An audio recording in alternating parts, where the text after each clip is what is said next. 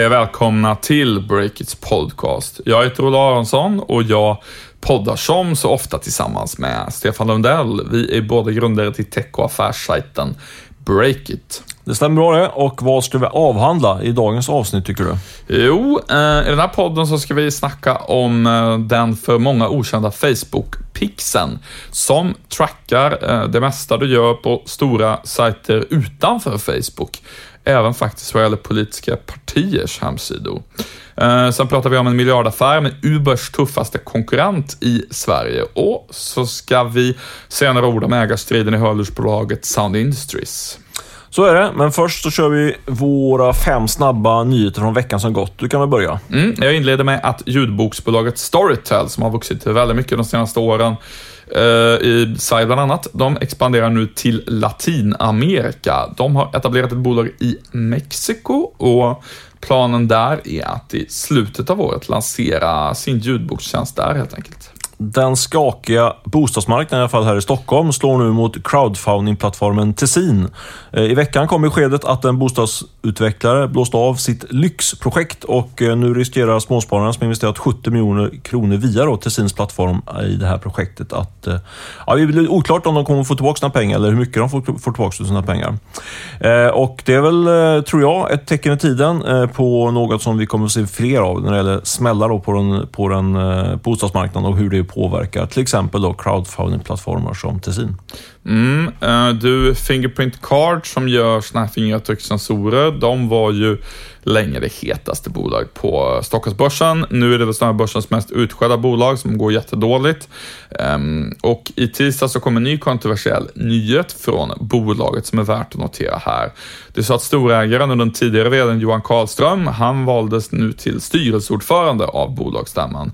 Uh, och det är ju kontroversiellt minst sagt eftersom Karlström fortfarande är brottsmisstänkt för upprepade fall av ehm, misstänkt då som sagt för grovt insiderbrott i Fingerprint. Eh, bland annat organisationen Aktiespararna var väldigt kritiska till att han valdes som ordförande. Postnord startar en utmanare till Kivras digitala brevlådor. Kivra, som redan idag har över två miljoner användare, verkar dock faktiskt inte särskilt oroade över att de får den här tunga spelaren som konkurrent. I en ganska underhållande intervju med oss på Breakit så säger Kivras VD Stefan Krok att utmana oss är som att utmana Facebook. Det är en kaxig inställning som vi gillar. Ja, verkligen. Du, eh, slutligen så ska vi notera att eh, det har skett ett tungt bakslag för Stockholms tech-elit och då pratar jag förstås om att Norwegian stoppar sin direktflight till San Francisco. Eh, och det gör ju vardagen eventuellt lite krångligare för riskkapitalister och entreprenörer som var för vana att ta direktflyget till Silicon Valley med jämna mellanrum. Livet är tufft. Vi är glada att meddela att eh, veckans podd sponsras av Monster, bolaget som är ledande globalt på att hitta jobbkandidater inom programmering och utveckling. Mm, det känns ju riktigt bra. Monster har varit med oss nästan ända sedan starten av Breakit och deras platsannonser syns på vår sajt på olika ställen och nu har vi ett djupare samarbete på gång. Ja, eh, precis. De första annonsörerna har ju börjat trilla in nu på vår gemensamma lösning där man köper att din platsannons syns både på Breakit, i massor av våra artiklar bland annat, mot vår målgrupp, men också i alla Monsters kanaler. Vi har fått in en hel del fina kunder där nu eh, som eh, exponeras och som får in eh, bra kandidater via Breakit.se och eh, Monster. Ja, vi pushar då jobbannonserna båda två för dubbel exponering om man skulle summera det erbjudandet. Nej, men exakt. Och om du är intresserad mer av det här så kan du gå in på breakit.se karriär, som i karriär alltså. Eh, men du som lyssnar på den här podden är förmodligen rätt klipsk och internetkunnig så du hittar den nog genom att googla eller klicka dig vidare. Då ska vi snacka lite grann om hörlursbolaget Sound Industry, för där fortsätter ju eh, turbulensen får man säga. I tisdags här så meddelade ledningen att eh, grundaren till Sound, en av grundarna, Konrad Bergström, får sparken kort och gott. Eh, orsaken till att eh, ledningen och eh, styrelsen agerar på det här sättet är att de hävdar att Konrad Bergström då har läckt företagshemligheter. Det är något som eh, Bergström själv tidigare i alla fall har förnekat. Nu när vi ringer honom så säger han inga kommentarer. Men eh, vad säger du Olle om den här historien? Ja, eh, det är väl eh, ett klassiskt exempel där en eh, visionär VD som har byggt upp och drivit upp ett bolag till det det är idag, kanske inte den personen som ägarna eller styrelsen vill ha som, som VD sen när bolaget ska ta nästa fas och bli kanske lite mindre visionärt och lite mer ordning och reda så att säga.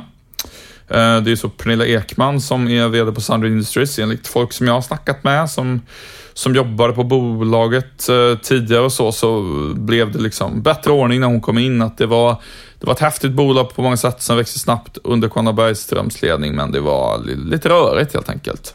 Ehm, det här finns ju flera intressanta exempel på hur det kan gå både åt det ena och det andra hållet. Google är väl ett bra exempel där grundarna inte riktigt har velat vara liksom VD, utan man har tagit in andra personer och nu till och med eh, liksom lagt eh, den gamla klassiska verksamheten i ett helt eget bolag som ju styrs av Sundai Pichar och sen jobbar grundarna med de här nya, väldigt visionära, framtidsinriktade eh, så kallade moonshot-projekten vid sidan av, eh, så att säga. Det finns också exempel när ehm, liksom vdn eh, har, eller när grund, en grundare har lyckats bli eh, en framgångsrik VD, Daniel Ek på Spotify, Mark Zuckerberg på Facebook, ehm, Jeff Bezos på Amazon är väl liksom exempel på det. Det är väl ingen kanske ifrågasätter direkt om, det är väl ingen diskussion där om att man borde ta in någon annan VD direkt. Uh, och det här är liksom inget ovanligt att, att um, vad ska man säga, det är inget ovanligt att det, att det uppstår en sån här diskussion om att, uh, ja nu har den här grundaren lett bolaget i några år och byggt upp det, men nu, nu kanske det är dags för en annan att kliva in som var VD som passar mer för bolagets nedfas. Det som är ovanligt här, det är ju liksom bråket. Att mm. de, de verkar ju inte dra jämnt helt enkelt, ordförande, VD och eh, grundare. Nej, verkligen inte. Jag tycker man faktiskt kan lyfta det, det, du var inne på innan vi plockade in det här med kring bråket. Att det är ju egentligen nästan mer förvånande att man då eh, man drar igång ett bolag med ett, ett par, tre anställda, sen bygger man ett bolag med flera tusen anställda och man fortfarande har samma ledare så att säga. För det krävs ju helt olika typer av ledaregenskaper för att dra igång ett bolag jämfört med att styra ett bolag med, med flera tusen anställda. Det, det, tycker jag är väldigt imponerande, till exempel i Daniel Eks fall där. Att han, Eh, väldigt ung drog igång det bolaget och nu, nu verkar han ju leda eh, hela organisationen med bravur får man ändå säga med tanke på hur, hur det går för dem. Eh, men uppenbarligen så, så är det ju, är det ju en, en rejäl fnurra på tråden där mellan, mellan eh, Konrad eh, och eh, kanske då Tom Jakobsson som ordförande i, i bolaget och största ägare. och VDn Pernilla Ekman verkar inte heller riktigt nöjd med Konrad där, får man säga. Nej, verkligen. Och det man ska säga då är att vi, vi vet ju liksom inte eh, vad som är sant. Vi har bett eh, Konrad Bergström kommentera anklagelserna om att han ska ha läckt. Vi har gett honom alla möjligheter så att säga att kommentera anklagelserna om att han ska ha läckt företagshemligheter. Ehm, vi, vi, kan liksom inte slå fast juridiskt på något sätt eller ens publicistiskt om det stämmer. Det vi, det vi vet är att den anklagelsen finns så att säga.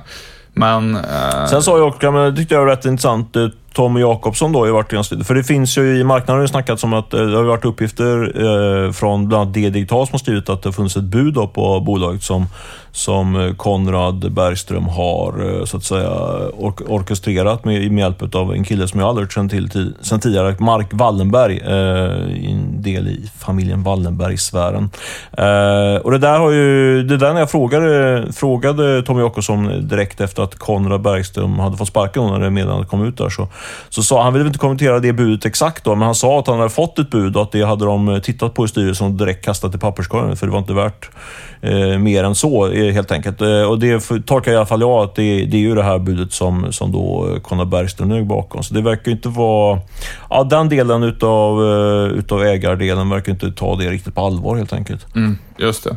Uh, och det, men det, som sagt, det, det man kan säga här som är lite anmärkningsvärt, det är helt enkelt att de liksom inte verkar ha lyckats hitta ett snyggt sätt att, alltså man behöver inte vara överens om allting, men man borde liksom kunna hitta ett snyggt sätt att kombinera de olika viljorna här och, och liksom eh, hitta en lösning för framöver. Och, om jag ska gissa lite grann varför de liksom inte riktigt har löst den här konflikten. Då tror jag att det beror på att bolaget ändå går så pass bra. Så att mm. man har liksom inte varit piskad av den anledningen att, eh, att eh, reda ut det där, utan man har tänkt att ja, ja, Pernilla kör huvudbusinessen och Konrad kör sitt framtidslabb för sig. Och då slipper vi liksom eh, lösa konflikten helt enkelt. För så, hade, hade bolaget varit i en djupare kris finansiellt på något sätt så hade det ju kommit upp till ytan av tvång. Det är nog sant, för de omsätter ju en och en halv miljard och en vinst på en sådär en 100 miljoner. Så det, ja, det tuggar ju på verkligt bra. Enligt Tommy Jakobsson så är tillväxten 25-30% på årsbasis. Så det, det är ju fortfarande en framgångssaga. Liksom. Det, det, det, tror man inte riktigt när man läser om de här artiklarna hos oss och på, på andra sajter.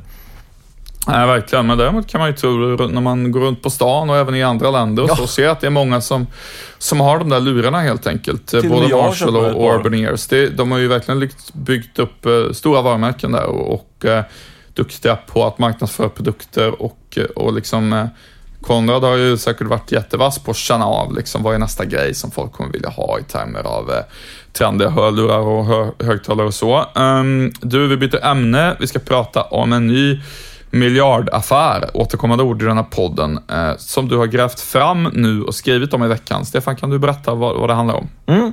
Eh, miljardaffär tycker vi alltid om att rapportera om och eh, i det här fallet handlar det om, det man kan lite grann eh, vinkla rubriken kring den här miljardaffären på två olika sätt. För det handlar ju i, i grunden då om eh, bolaget Cab Online som, eh, som driver eh, de här taxikedjorna Taxi Kurir, Taxi 020, Taxi Malmö och så vidare. Det är en utav de, jag tror det är Sveriges största aktör inom taxi. Eh, och man skulle kunna eh, vinkla det här till att det är liksom en svensk tech-succé som nu är på väg att säljas för sådär 2 miljarder kronor. Men man kan också säga att det är liksom en samling hopslagna taxåkerier med sådär halvtaskig lönsamhet som, som, ett, som ett amerikanskt riskkapital nu försöker på något sätt kränga iväg här på toppen på högkonjunkturen. Eh, och om man ska vara helt ärlig så vinklar jag väl kanske framförallt eh, på den första vinkeln för jag tyckte att det var lite mer roligt. Och sanningen ligger väl någonstans mittemellan, ska jag säga. För det finns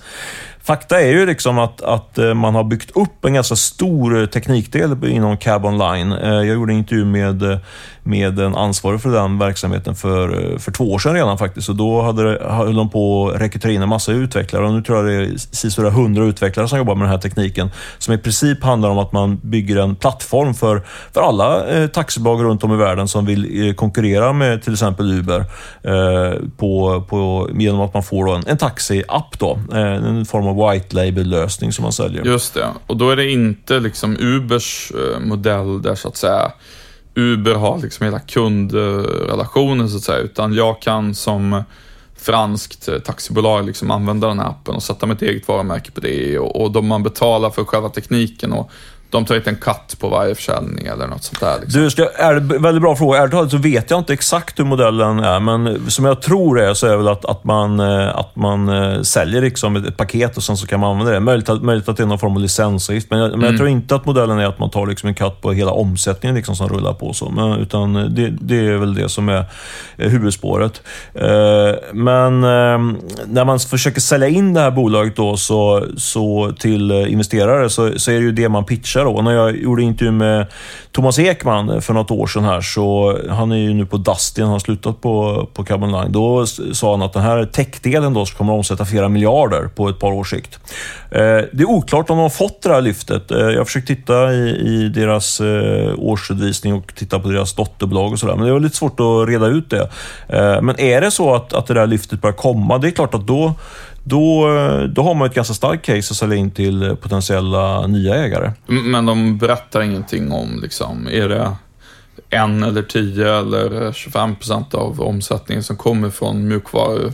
Nej, det framgick inte. När, när jag pratade med Thomas Wekman för ett drygt år sedan, då omsatte man tror jag 100-150 miljoner kronor på den här teknikdelen. Ja, men det var ändå så pass liksom. Ja, precis. Men då, det finns ett stort men. Då. då har man ju sålt en stor del av tekniken inhouse så att säga, till, till, an, till jag tror det var Taxi Kurir. Så det, är liksom... det, är, det är lite som Qliro, det är en betallösning med, med väldigt mycket kunder som råkar vara ens egna dotterbolag och sådär. Ja, men så kan man göra. Man är lite taskiga med så här. Eh, sen kan man ju säga att det är rätt naturligt att man först testar på dem och sen går vidare. Och man har, så, man har externa kunder. Så det, ja, men det, juryn är väl ute kan vi säga då, eh, kring om de kommer att lyckas med den här eh, techdelen eller inte. Då. Men eh, det uppenbara är att det, det är så man så att säga, försöker spinna det här caset mot potentiella köpare. Man försöker inte säga till någon brittisk riskkapitalist att nu ska du äga liksom, taxi, taxi Malmös åkeriverksamhet där. Nej, men precis. Det hade inte jag heller gjort när jag var den Man fram, framhäver heller inte att en stor del av intäkterna kommer från den här eh, färdtjänstverksamheten och sådär. Så den är kanske inte...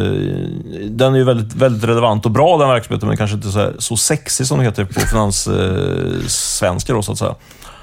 Nej, jag fattar. Eh, Spontant så tänker jag väl att jag tycker att det här är en ganska bra affärsidé. Eh, För att, ja men eh, utöver då mm, vad liksom, eh, alltså att man äger själva, själva äh, att man äger en massa vanliga taxiverksamheter helt enkelt. Det, det är ju vad det är. Men själva mjukvarudelen, ehm, det blir ju någonstans det här att man gör det möjligt för befintliga taxibolag att man utnyttjar skalfördelarna i liksom att alla använder samma teknik och så. Precis som att massa e-handlare använder typ Klarna eller någonting eh, och slipper bygga en egen betaltjänst. Men eh, att man ändå liksom får behålla sitt eget varumärke, sin egen kundrelation. Inte kanske ge procent av intäkterna då, det gör det för sig Klarna, men mer betala ja, men licensavgift för en teknik. Någon x kronor i månaden så att säga för att använda den där. Och det, det känns väl rimligt att man bygger en jättebra sån tjänst för alla taxibolag som känner att nu vill vi mota Uber i grind så, så kan det väl vara ganska attraktivt att här kommer de här de här svenskarna eh, som, mm, de här svenskarna som liksom har byggt en bra tekniklösning och det är byggt i samma stad som Spotify och eh, liksom det är inte amerikaner eller kineser eller någon sån som liksom kan kännas lite farligare kring vem man representerar så att säga. Det, det, det, det låter väl vettigt, kan jag tycka. Men, men, men eh, det, därmed inte sagt att liksom prislappen ska vara vad de vill ha för det. För det beror ju på hur mycket de har lyckats ställa in det hittills, och det vet vi inte. Nej, precis. Och jag tror att de, de försöker väl såklart eh, eh hänga... Men du, du får mycket mer betalt såklart om du får den här techstämpeln på dig jämfört med att det är ett vanligt, eh, en taxitjänst. Och där. Så vi får se var det landar någonstans. Men marknaden är fortfarande het och det är väl inte omöjligt att de lyckas eh, kränga iväg det här till, till någon, till exempel, eh, annan finansiell spelare, riskkapitalbolag med, med utländsk härkomst. Vi får se. Följ, vi följer det här och, får, och eh, hoppas kunna breaka när affären är klar också. Då har vi fått in vår reporter Erik Wisterberg i studion. Den guldspadebelönade Erik Wisterberg. Oj, vilken härlig presentation. Den där kan man liksom leva på länge. Eller hur länge kan man använda en sån sak? Ja, väldigt länge, hela livet ut tror jag. Man ska ha sådana där, såna där epitet. Eh, du, eh, Eh, Erik, vad har du ägnat de senaste dagarna åt för, för gräv som vi ska snacka om nu? Ja, men jag har, det har varit väldigt kul. För jag liksom, ibland så får man en liten ny värld öppnad för sig. Sådär, som någonting som man kanske har känt på sig men aldrig riktigt tagit tag i. Men det handlar ju om Facebook-pixeln eh, helt enkelt. Eh, har du koll på den? Eh, ja, jag har ganska mycket koll på vad Facebook-pixeln är för någonting, men min bild är att den, så att säga, bland den breda allmänheten är en rätt okänd företeelse. Du kan väl berätta vad det är? Ja men precis. Det här är ju, alltså ordet pixeln det kommer ju från att det här är en Facebook-kod eh, som man kan lägga in på sin hemsida. Eh, och eh, Pixeln var från början en liten osynlig bild faktiskt. En gånger en pixel, transparent, som låg på sajten då. Som man inte kunde se. Men det är egentligen ett program som ligger på din sajt och tittar på vad besökarna gör där. Alltså vilken sida de tittar på, vilka knappar man trycker på och den går att konfigurera på väldigt liksom, sofistikerade sätt helt enkelt. Jag, så när jag, om jag ska försöka förklara det för min mamma, då skulle jag säga att det är som att någon från Facebook står och tittar över din axel på vad du gör på sajten helt enkelt. Mm. Det är lite som om man, liksom, man har en kamera i en, i en butik som går runt och tittar på så här, vilka varor tittar du på i butiken. Vad tycker du verkar vara intressant så? Eh, och det här gäller alltså då någonting man stoppar in på sajter som inte är Facebook-sajter utan på, eh, på alla möjliga webbsajter helt enkelt. Mm, Ehm, jag kollade nu, jag tror att det var 2,1 miljoner sajter eh, ungefär som kör Facebook-pixeln just nu. Och innan vi går vidare här, kan du bara säga liksom varför har folk stoppat in den här Facebook-pixeln på sina sajter? Ja, men det, det, det här är en funktion som är väldigt bra för e-handlare till exempel. Eh, du kan då tracka människor som har varit inne och tittat på en, ett visst par skor i en viss storlek av ett visst märke vid en viss tid till exempel och kanske tryckt på köpknappen men sen gått därifrån av någon anledning. Eh, och sen kan du då skjuta annonser inne i Facebook sen. Eftersom Facebook vet vem den här människan är så kan du skapa en målgrupp då av personer som har gjort just en specifik sak på din sajt. Sen finns det också en eh, ganska annan eh, cool funktion i det där att du kan hitta tvillingar då inom Facebook. Alltså du kan skapa, via Facebooks eh, stora datamängder så kan du hitta lookalike-personer som Facebook tror att är precis som den här första människan. Så då kan man liksom skapa tvillingmålgrupper som också borde vara sugna på att köpa exakt de där skorna ungefär. Ja, det låter ju jättebra för alla e-handlare och så. Jag förstår varför de använder det. Um, du började ju dock granska det här i en liten annan mm, ände eh, mot bakgrund av GDPR, den stora, eh, den stora dataskyddsförordningen som har trätt i kraft nu. Eh, och ehm, om jag förstår det rätt så inledde du med att kika på hur stora medieföretag har hanterat den här pixeln. Vad, vad, fick du för svar från dem? Ja, men jag hörde bara i en bisats så sa Peter Wolodarski som är chef för DN att de hade plockat bort den här Facebook-pixeln. Eh, så då ringde jag upp honom och eh, det var, Peter Wolodarski är ofta väldigt liksom, kontrollerad som människa, men här var han verkligen fylld av känslor när han berättade om varför. Han liksom använde ord som att den var skrämmande och att han inte hade förstått hur mycket datorn samlar in och hur mycket av det som går till Facebook. Eh, och det födde mitt intresse där, så då började jag titta runt hos andra medieföretag. Det visade sig att också Schibsted som äger Aftonbladet och Svenskan har valt att stoppa pixeln då. För de vet helt enkelt inte om den är helt laglig eh, ja, post-GDPR då eh, och vilket typ av samtycke man måste ha eh, för att använda den. Så det, jag som är gammal mediereporter tyckte att det här är en stor nyhet eftersom Facebook-pixeln har använts väldigt mycket av medier eh, för att annonsera på Facebook också. Just det, och eh, redan här kan vi väl gå in på att eh, den här finns ju på Breakits egen sajt.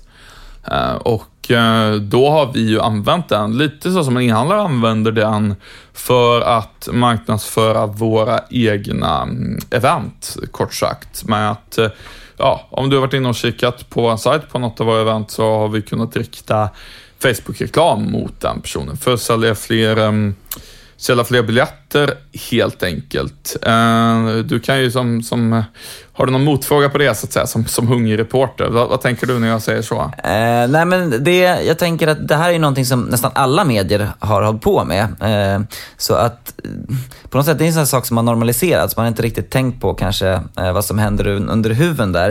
Eh, men jag tänker att också att det blir ju det blir känsligare eh, ju känsligare sajt det är. Liksom, eh, på något sätt. Så att för mig kanske det inte är jättekänsligt att få Facebook-reklam för ett event sådär. Men det finns ju andra saker i livet som man kanske inte vill att Facebook ska veta om. Ja, men precis. Jag kan, jag kan väl säga det då innan vi ska gå vidare till, till vad du mer har kikat på för sajter. Men ur mitt resonemang i alla fall, eh, det får, gärna, det får gärna någon tycka någonting annat om, men mitt resonemang har ju varit så att vad Facebook-pixeln gör inne på breaket är att den, den, den tittar ju liksom på ja, vilka artiklar är du inne på och klickar det vidare till och sådär. Och då har jag tänkt att det är ju inte mer eh, liksom, integritetskränkande än att Facebook vet vilka länkposter som man klickar på. Alltså att vi postar nyheter på Facebook och sen klickar folk på dem och då vet ju Facebook att de här nyheterna verkar du vara intresserad av.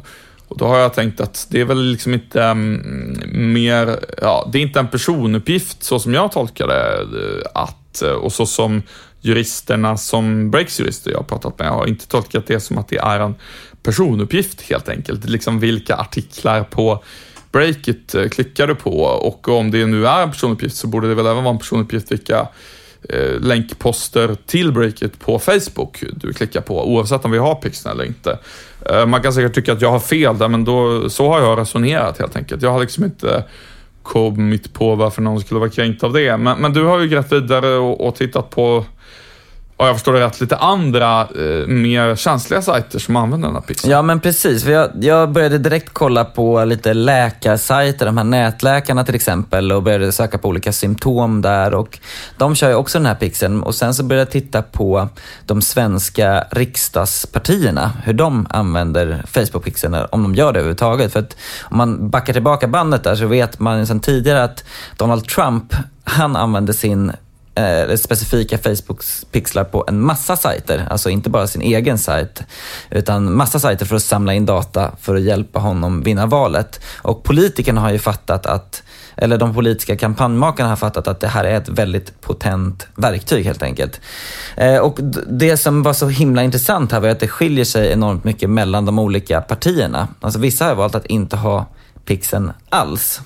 Och vissa har valt att, eh, som Liberalerna till exempel, har valt att väldigt tydligt informera dig om att de kör pixeln och att du faktiskt kan stänga av den också. Mm. Men så finns det ett antal eh, partier, eh, till exempel Miljöpartiet, Centerpartiet och Moderaterna, som då spårar vad du gör inne på deras sajter Eh, utan att berätta det eh, för dig. Och det intressanta med Facebook Pixel är att den delar ju den här datan med Facebook eh, i stort sett i realtid. Så där kan man ju fråga sig, alltså dels är det lagligt för dem att spåra vad användarna gör när det handlar om politiskt känsliga frågor inne på sina sajter. Man kan också fråga sig, är det så att de svenska partierna hjälper Facebook att bygga upp liksom en egen databas över vad folk har för politiska intressen i Sverige nu inför valet och vad, vad kan den informationen användas till? Ehm, de här skandalerna som har varit kring Facebook har ju handlat, hamnat, eller handlat precis om hur Facebook kan användas av liksom illegitima aktörer just för att påverka val. Så att, eh, jag blev faktiskt rätt chockad över att de fortfarande kör den här pixeln, speciellt då utan att berätta om det. Eh, och ju längre jag grävde in i sajternas struktur, desto mer problematiskt verkade det ju för mig. Kan du, kan du berätta lite grann med gräva in i sajternas struktur och så? Du har ju tillsammans med Magnus som är en av våra utvecklare på Breakit kika lite närmare på vad Pixen gör. Kan, om vi tar de politiska partierna som exempel, vad, vad konkret är det som Pixen gör där och vad kan man liksom tänka sig att Facebook får reda på? Ja men precis, om man liksom börjar från början när man kommer in på en sajt. Det första som händer är att den ser då att, som jag är en Facebook-användare, eh, Facebook vet vem jag är, jag är inloggad på massa olika enheter. Så känner ju Facebook av att jag har kommit in på sajten, det är det första som händer. Men sen börjar du också titta in på vad som händer när man tittar på olika politikområden. Och... Precis, för vi kan väl börja där. Ja, men, säg att du, du är inne på sajten. Facebook vet att du har varit inne på, liksom, eh, säg eh, Moderaternas sajt. Det känns ju i sig kanske inte som så här jättekänsligt att du var inne på sajten så att säga. Det kan man diskutera, men fortsätt. Ja, Nej, men det blir ju känsligt när man börjar titta på frågor som, vad händer när jag klickar, klickar för att bli medlem i ett parti till exempel? Mm. För att en sak som Facebook Pixel är väldigt duktig på, det är att tracka vilka knappar man trycker på. Och det, om man tänker tillbaka på med e-handelsperspektivet så är det väldigt logiskt, för det är ju den starka köpsignalen när man faktiskt har klickat på någonting sådär som man vill ha. Men här så fyller jag i mina uppgifter i ett formulär då för att bli medlem, vem jag är och så vidare. Och så trycker jag på att jag ska skicka iväg det. Och eh, det, Facebook kunde inte se vad jag skrev i fälten, men de vet ju redan att det är jag eftersom de har mitt Facebook-ID. Mm. Men de ser ju att jag trycker på knappen för att skicka in mina uppgifter för att bli medlem i ett svenskt parti. Så helt enkelt, eh, partiet delar då med Facebook och, och, kanske också att i vissa fall att man som har tänkt att eh, att man så att säga vill kunna köra retargeting lite som en e-handlare där. Det, det är inte omöjligt att någon har tänkt på det helt Nej, enkelt. det kan man ju tänka sig. Man ju det, är, med Facebook, det, precis, det är många steg för att bli medlem. Man måste fylla i först, du vet, det är så namn på första kanske formuläret, så skickar man in det och så kommer det flera liksom, steg. Så, där. så då kan man ju öppna sig möjligheten för att man kan skjuta reklam på de som avbröt den där processen på något sätt. Eh, men, men, redan där är det ju minst sagt kontroversiellt mot bakgrund av dataläckor och Cambridge Analytica och allt som är kring Facebook. Ja, det, det börjar ju kännas lite obehagligt och det blev ännu mer obehagligt när jag började titta på olika sakfrågor. För att eh, alla partier har ju såna här eh, sektioner om vad de tycker om politikområden och då gick jag in på såna här potentiellt ganska känsliga frågor, till exempel surrogatmödraskap på ett av de här partiernas hemsidor. Och de hade faktiskt lagt in en funktion där det står först då vad det här partiet, eh, Centerpartiet var det här fallet, som, vad de tycker eh, om surrogatmödraskap. Och sen så fick jag också möjligheten att eh, säga om jag håller med då, ja eller nej. Och det är också sådana här knappar då som man trycker på. Och när jag satt med vår utvecklare eh, för att titta på det här så, så var det tydligt att mitt knapptryck där registreras ju också eh, och delas med Facebook. Så kallad åsiktsregistrering om man ska vara lite spetsig. Ja, det kanske man kan kalla det sådär. Det är ett gammel, gammaldags ord, men det är det som händer. Att de ser vilken sida jag är på och vad jag trycker på för någon knapp. Och, och det här ja, delas ju sömlöst med Facebook, för det är så Facebook-pixeln fungerar. Och det ger också möjligheten, jag pratade med en, en marknadsföringsexpert om det här, alltså en av de här som vet varenda liten, liten möjlighet i det här systemet, för det är inte så många som kan det eh, på, på djupet. Och han menar ju att eh, det är en väldigt smart person som har gjort det där. Eh, för det där, eh, om det används då på rätt sätt eller på fel sätt eller hur man vill kalla det, men om det används till sin fulla potential, då skapas det möjligheten att skräddarsy budskap utifrån man har, hur man har svarat på en sån fråga. Mm. Ehm, eh, från då den som äger Facebook-pixeln. Och om vi zoomar ut lite grann här nu då eh, och tittar på framförallt egentligen vad som har hänt i USA, för det är här det har varit en riktigt stor fråga. Då, eh, så det man liksom, vad ska man säga, eh, det som eh, har varit mycket kontroversiellt är ju eh, dels att när så att säga data har, har läckt till, om vi förenklar lite grann, via Cambridge Analytica som har gjort saker som är fel med Facebook-data. Men sen också Eh, det andra stora som har varit en skandal är ju alla påverkanskampanjer med eh, eh, fake news som en del kallar det, lögner som jag kallar det för, för det är vad det är, som eh, har finansierats enligt USAs egen underrättelsetjänst av eh, så kallade ryska intressen och så. Eh, då innebär ju så att säga det här att ehm, Facebook potentiellt har mer Eh, mer målgruppsdata helt enkelt. Att liksom eh, rikta, det blir enklare att rikta politiska påverkanskampanjer i Sverige om man har mycket data om folks åsikter. Ja, så kan det öppnar ju den potentialen. Man skulle kunna lite spetsigt säga att eh, de svenska partierna, då, medan vi sitter och pratar här, hjälper Facebook att lära sig saker om svenskarnas politiska åsikter. Sen ska man ju säga att här, Facebooks officiella ståndpunkt här, det är ju att den här datan krypteras och anonymiseras på olika sätt. Så att den ska liksom inte ligga där helt tillgänglig. Mm. Men systemet bygger ju ändå på att du ska kunna nå de här personerna igen. Det är mm. därför Facebook-pixeln finns. Så att liksom kopplingen mellan personer eh, och det här webbplatsbeteendet finns ju där. Mm. Eh, Visserligen då i krypterad form. Um, så att det, ja, det väcker en, en lång rad frågor, tycker jag. Ja, verkligen. Och mm, det är ju, som alltid med den här frågan, är liksom lite snårigt och vad borde vara liksom olagligt och, eh, och så. Men om vi, ehm, liksom utan att snöa in oss för djupt i det och ta det mer ur ett GDPR-perspektiv igen, eh, utifrån någonstans där vi började, så är det ju så att ehm, Eh, din politiska uppfattning. Och, och som sagt, nu är det här då enligt Facebook anonymiserat, men eh, politisk uppfattning är ju definitivt och ja, liksom din inställning till massa känsliga frågor, surrogatmödraskap och liksom allt sånt där. Eh, det är ju liksom, det är ju känsliga uppgifter så att säga. Så att om du gillar att läsa mycket artiklar om fintech på Breakit, det, det skulle jag hävda Eh, eller det är inte klarlagt, men eh, just nu ser inte jag det som en personuppgift egentligen. Eh, men däremot din politiska uppfattning skulle jag se som en, um, som en känslig personuppgift. Mm. Eh, vilket innebär att det ska behandlas med extra varsamhet då. Uh, och sen så kan man diskutera vad den extra varsamheten ska bestå i och hur löser man det tekniskt och vad är rätt och fel av parti och så.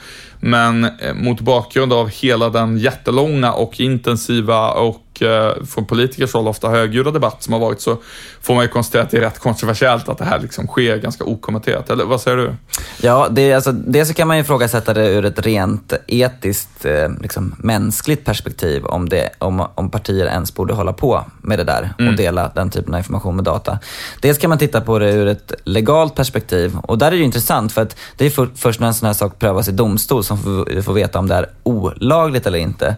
Men jag har pratat med eh, ett par par olika experter som, som ju väldigt tydligt säger att eh, enligt GDPR så måste du hämta in samtycke för den här typen av liksom profilering eh, av dina användare som det här handlar om. Och Facebooks egna riktlinjer kring pixeln, som jag tror är ändrade ganska nyligen, eh, för det här finns på deras GDPR-sida, säger att du bör hämta in ett samtycke för att tracka besökarna med eh, Facebook-pixeln.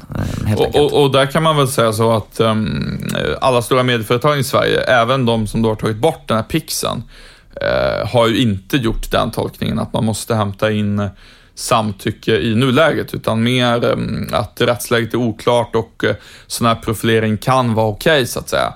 Men eh, ja, utan att bli för nördig då, så att det skulle kunna vara så att en del profilering via någon kaka i webbläsaren anses vara okej, okay, men just politisk uppfattning eller um, en del andra känsliga saker, eh, det kanske ses som att det inte är liksom profilering baserat på surfbeteende, utan som en egen kategori, som är en känslig personuppgift så att säga. Så att, eh, ja men precis, och därför kan man ju ställa, ställa väldigt höga krav på just de svenska riksdagspartierna att förhålla sig till det här på ett väldigt försiktigt sätt. Mm. Eh. Och, och, det skulle kunna bli så kanske att, eh, det kan ju bli så att all, nästan alla måste ta bort Facebook-pixeln om folk inte uttryckligen har samtyckt till det. Alltså Breakit och, och Aftonbladet och DN och vem det nu är och alla partier och så. Men det skulle också kunna bli så att um, att alla får ha den eller att vissa får ha den eller att eh, vissa får inte ha den ens med samtycke och sådär. Allt det där är ju oklart. Eh, vad jag tycker skulle bli väldigt intressant och som du är ju vad de politiska partierna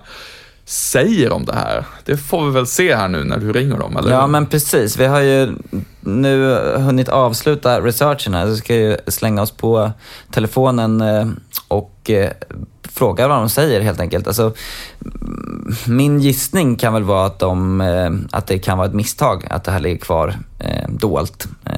Så.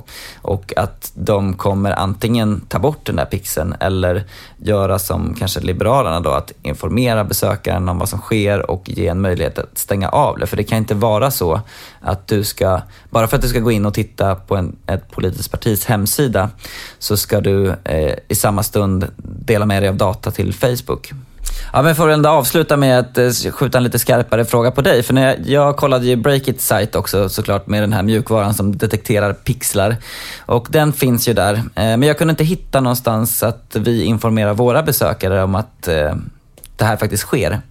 Nej, men det stämmer och, och där kan man ju säga att jag det kan vara helt transparent med det att Breakits personuppgiftspolicy kommer ju, den är ju liksom inte färdig Eh, utan den kommer ju utvecklas mycket på grund av just, det är väldigt mycket som är osäkert i rättsläget vad gäller just det här med profilering av, alltså mm, sådana här frågor som eh, Eh, du gillar att läsa mycket artiklar om småföretagande. Ska du då få annonser som är anpassade för det? Det där är liksom inte fullt utrett än och hela mediebranschen håller ju på och bråkar och formar sig kring det och så.